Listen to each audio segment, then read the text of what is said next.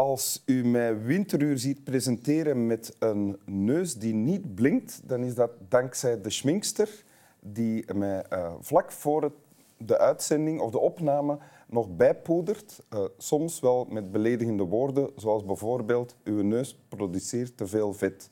Maar daar hebben jullie dus geen last van. Uh, alleen ik en de schminkster die meer werk heeft. Welkom in Winteruur, Brigitte Raskin. Hebt u soms last van een neus die te veel vet produceert? Nee. nee. Integendeel, niks is zo heerlijk als een, een tv-opname waarbij je ongesminkt naartoe komt en ze u dan sminken. en dan ben je, ben je mooier. Ja. Vervolg van de dag. Ik leid u even in. U, bent, uh, u was ooit journaliste, u bent historica, schrijfster. Als schrijfster hebt u ooit ook de ACO Literatuurprijs gewonnen met het Koekoeksjong. En ondertussen bent u zelf juryvoorzitter van De Boom. En dat is een nieuwe literaire prijs, een nieuwe grote literaire prijs, waarvan het de bedoeling is dat die gaat blijven bestaan.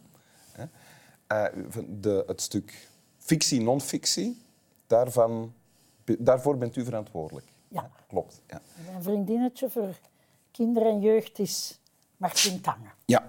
En dus dat betekent dat u heel veel aan het lezen bent nu. Ongelooflijk. Ja. En aan het discussiëren ook. Tientallen, tientallen boeken. Die hebben we al teruggebracht tot een longlist. Komt een shortlist en in maart komt er een winnaar. Maar u hebt geen boek bij om uit voor te lezen. Stel u voor. Ja. Ik had dus keuze zat in al die boeken, maar ik ben naar hier gekomen met de krant, een bijlage van de standaard, standaard ter letteren. Um, die, ja... Lees maar voor, lees eerst voor. Ja, ja uh, er staat in, op de cover...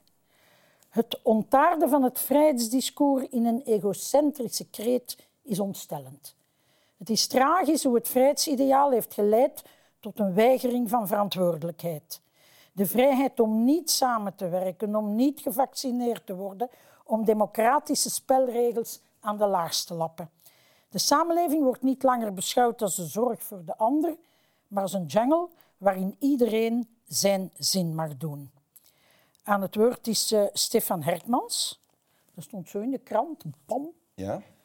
Ik zag dat op een ochtend. Um, vooral de eerste zin verwoordde wat ik al maanden dacht.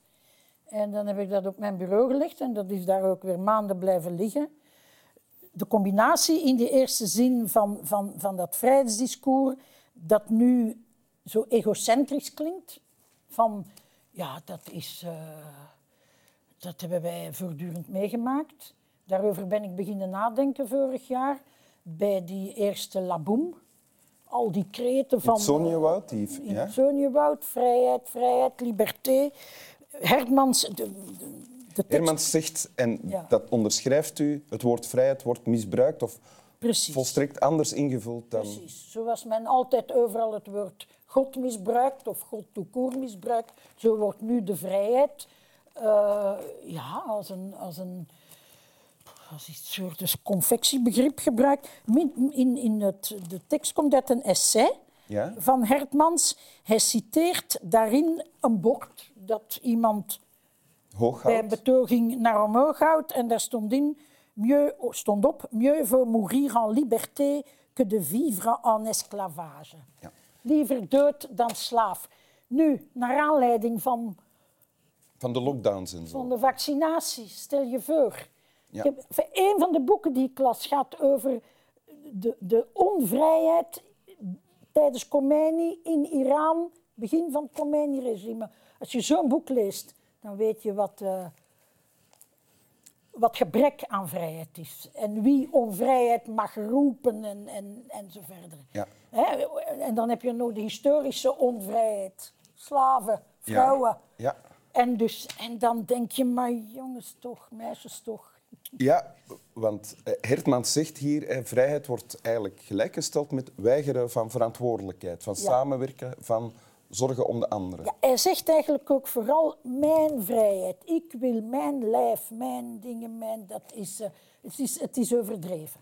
Ja. Wij zijn niet onvrij. Wij zijn ook niet onvrij als we, als we gevaccineerd moeten worden enzovoort. En toch, als u zich voorstelt dat u 18 jaar was, u bent ondertussen al eh, gevorderder dan dat qua leeftijd, ehm, denk ik. Uh, Helaas. Kan u zich dan niet voorstellen dat u, gedreven door ja, jeugdige energie, een anarchistische spirit, weet ik wat, uh, daarmee in het Sonjewoud beland zou zijn? Nee, nee, nee. Want ook als ik 18 jaar was, wist ik al wat vrijheid en onvrijheid was.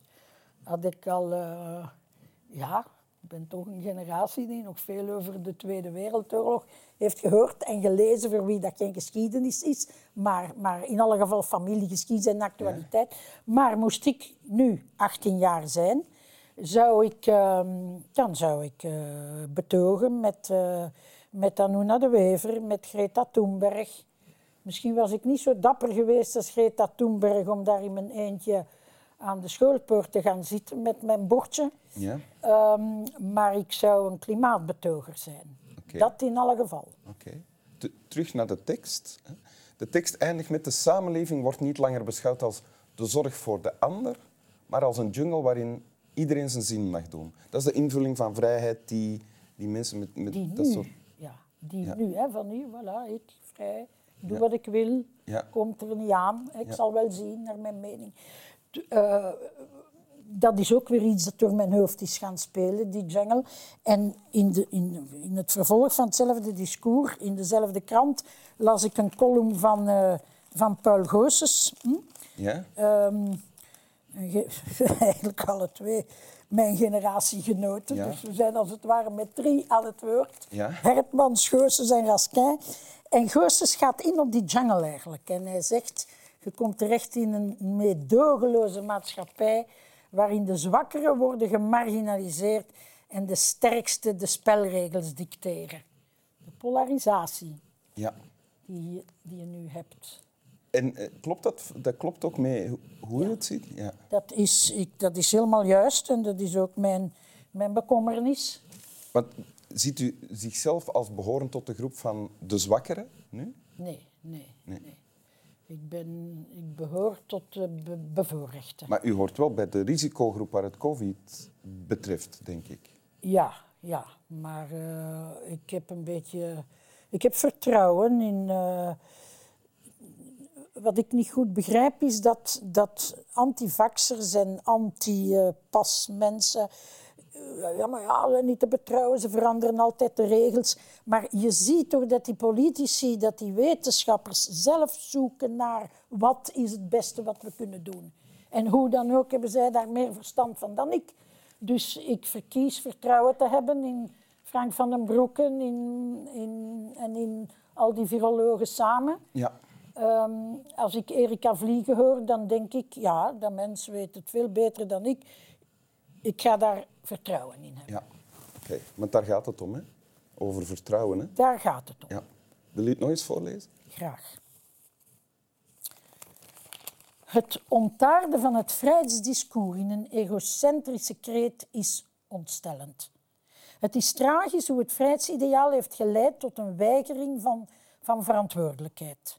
De vrijheid om niet samen te werken, om niet gevaccineerd te worden, om democratische spelregels aan de laars te lappen. De samenleving wordt niet langer beschouwd als een zorg voor de ander, maar als een jungle waarin iedereen zijn zin mag doen, als een meedogenloze maatschappij waar de zwakkeren worden gemarginaliseerd en de sterkste de spelregels dicteren. We kregen er nog een gratis annex bij ook, bij de tekst. Dank u wel daarvoor. En slaap wel.